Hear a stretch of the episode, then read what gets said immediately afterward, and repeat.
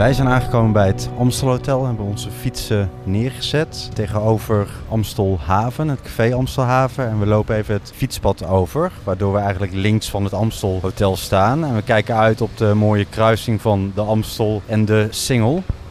Ja, ja hier eigenlijk het verhaal eh, van de Amerikaanse rivierkreeft. Dat is ook een, een exoot die denk in de jaren 80 ook de Nederlandse wateren is binnengekomen. Ook uitgezet door vissers of andere mensen. En het is een, een kreeftsoort die heel erg invasief is gebleken, want hij is door heel Nederland zo'n beetje getrokken. En heeft ook de inheemse rivierkreeft ook verdreven. Dus er was ooit een Europese rivierkreeft die, volgens mij leeft hij alleen nog maar op de, op de Veluwe ergens in een afgescheiden vennetje. Maar ook in Amsterdam onder water leven honderdduizenden rivierkreeften. En die beesten die profiteren ook een beetje van het heldere water, dus de kwaliteit van het water.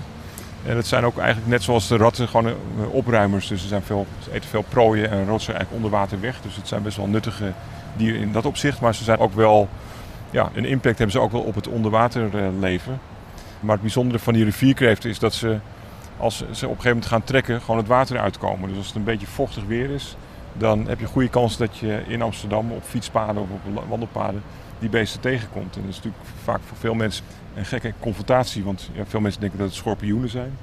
Dat ze hier losgelaten zijn. Maar het, ja, het zijn inmiddels ook alweer beesten die gewoon vast in het Amsterdamse natuurleven zich bevinden. En het wordt ook aangeraden zeg maar, als je ze vangt om ze gewoon op te eten. Dan heb je een bijdrage eigenlijk aan de beheersing van die beesten. Maar wij waren eigenlijk in de research van de Wilde Stad op zoek naar een verhaallijn rond de rivierkreeft. En toen kwam ik op een gegeven moment eh, via Facebook van het Amstelhotel erachter dat ze hierachter op het terras van het Amstelhotel dat ze daar filters hebben waar het water in wordt geveegd. En dat ze daar af en toe rivierkreeften uithaalden uit die filters die blijkbaar daar in, vast kwamen te zitten. Ik van ja, dat is wel een fantastische locatie natuurlijk voor iedere Amsterdammer herkenbaar, Amstelhotel. Het ligt mooi op zo'n snijpunt wat jij zei van waterwegen. Dus laten we kijken of we hier een verhaal kunnen bouwen eigenlijk met de rivierkreeft. En op een gegeven moment moet je natuurlijk kijken van ja, hoe ga je dat doen? Want je kunt natuurlijk langs de wegkant gaan zitten en, en wachten tot er een rivierkreeft langskomt. Maar dan kun je misschien wel drie jaar eh, gaan zitten. Dus we hebben daar ook samengewerkt met de stadsecologen die onderzoek doen naar de verspreiding van die beesten. Met Geert Timmermans. En die heeft ons eigenlijk voorzien van de acteurs. Uh, dus ik ben in contact getreden met het Amstelhotel. Die vond het een leuk idee om het opnames te gaan maken. En Geert die heeft de acteurs verzorgd. Dus we hebben hier eigenlijk een set gebouwd om het verhaal van de rivierkreeft te vertellen. En ze moeten natuurlijk ergens het water uitkomen. Dus we zijn toen je hebt hier niet alleen het Amstelhotel, maar ook het Heineken-tunneltje. Waar ooit de ontvoerders van Heineken doorheen zijn gereden met Freddy Heineken. En je hebt daar een soort goot die het water, want het is een lager punt. Een goot die afwatert eigenlijk op de Amstel. En er staat gewoon water in. Dus dat was wel een mooi punt om te kijken van, kunnen we dat gebruiken als een soort entree van de rivierkreeft van deze setting. Dus dat hebben we gefilmd en we hebben daar, er zitten wat gaten in die roostertjes, dus je kunt daar onder die brug wel kijken. En die beesten die zijn zo hier naar boven gegaan en die zijn dus over het terras van het Amstelhotel en weer het water ingedoken. Maar dacht van ja, dat is ook wel een beetje plat. Dus toen hebben we ook bedacht van je moet die beesten ook een soort schrik-effect geven. Dus we hebben daar later nog scènes bij gebouwd met de kat. Die ontmoet dus die rivierkreeften ook hier recht voor het Amstelhotel. En hij gaat het Amstelhotel binnen.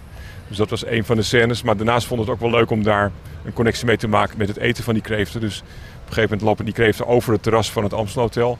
Er zitten twee mensen te eten en die krijgen net een bordje uitgeserveerd met een heerlijke Amsterdamse rivierkreeft op het bord. Dus de mensen kijken omhoog, die denken van hier moet ik niet zijn. Dus die duiken het water weer in.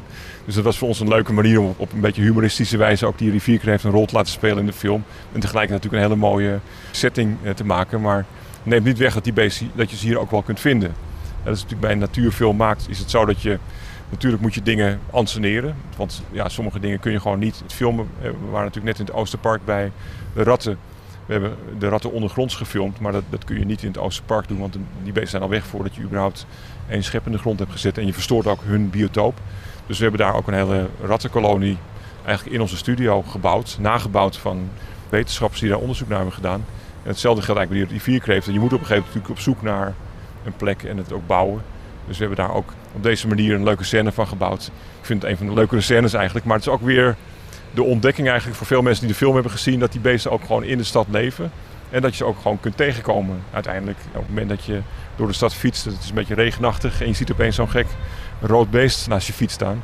En het grappige van die beesten, die, die kennen ook geen angst. Dus we waren hier aan het filmen met die rivierkreeft en er komen natuurlijk fietsers komen langs. het eerste wat die beesten doen is gewoon op hun achterpoten gaan staan en met die schade zo omhoog van uh, kom, kom niet te dichtbij of ik, of neem je te grazen. Dus het zijn ook wel hele geinige beestjes. En we hebben toen eigenlijk die scène hier bij het Amstel Hotel verbonden met, met onder water. Want ja, de meeste beesten leven natuurlijk de hele dag onder water. En wat je in Amsterdam hebt is de grachten, er liggen daar ongeveer 12.000 fietsen onder water. Die erin worden gegooid of erin vallen.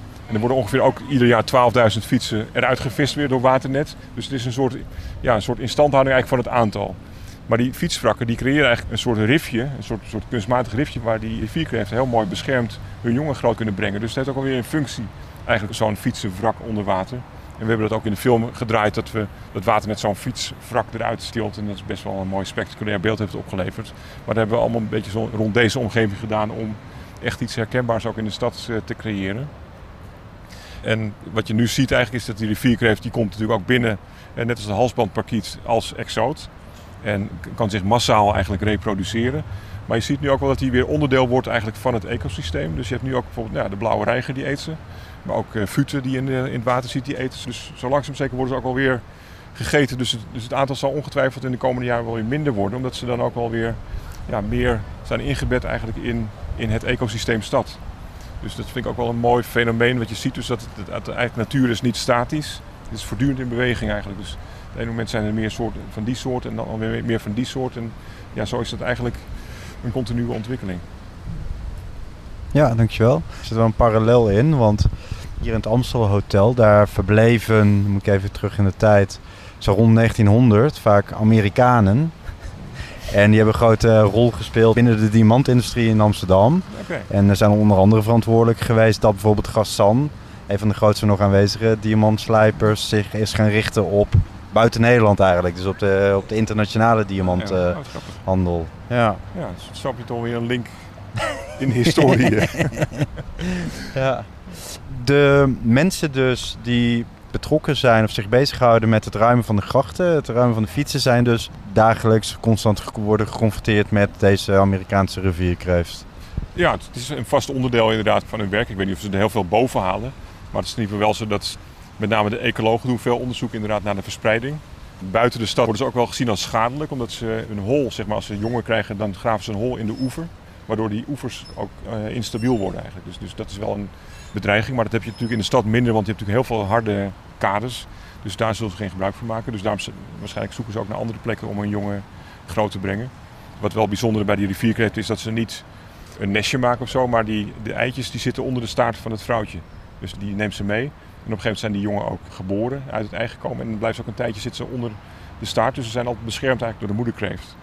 Tot ze groot genoeg zijn om zelf uh, weg te vinden. Wat is de grootste kans om een rivierkreeft tegen te komen? Je zei net op regenachtige dagen. Ja, het is, het is, vooral eigenlijk inderdaad als het een beetje vochtig is. Dan gaan ze het water over. Ze zoeken gewoon nieuwe gebieden eigenlijk. En zo zijn ze ook in staat geweest om heel Nederland eigenlijk te, te, exploreren. Als het ergens druk is waarschijnlijk gaan ze het water uit en zoeken ze een nieuwe plek. Waar je ze veel vindt is de Kalverslaan. Vanaf de Amstel naar, naar het Amsterdamse bos. Zo'n doorlopende fietsroute. Daar is veel water. En daar, daar vind je er veel. En dat is ook een route waar veel fietsers in donker hard rijden. Dus dan af en toe zie je ook een geplette rivierkreeft. En weet je, oké, ze zitten hier ook. Maar in principe ja, kan het door de hele stad heen eigenlijk. Ja, ze verplaatsen zich natuurlijk vooral onder het water, maar af en toe komen ze er dus uit. En ik denk niet op dagen zoals dit, als het 30 graden is, maar vooral inderdaad als het wat vochtig is en iets lagere temperaturen.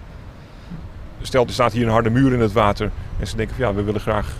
Dan gaan ze dus een weg zoeken eigenlijk om om die muur heen te komen. En dan moeten ze dus het water uit. Dus dan is de enige route eigenlijk over, de, over het fietspad of over de stoep. Een soort klunen. Ja, ouderwets klunen inderdaad.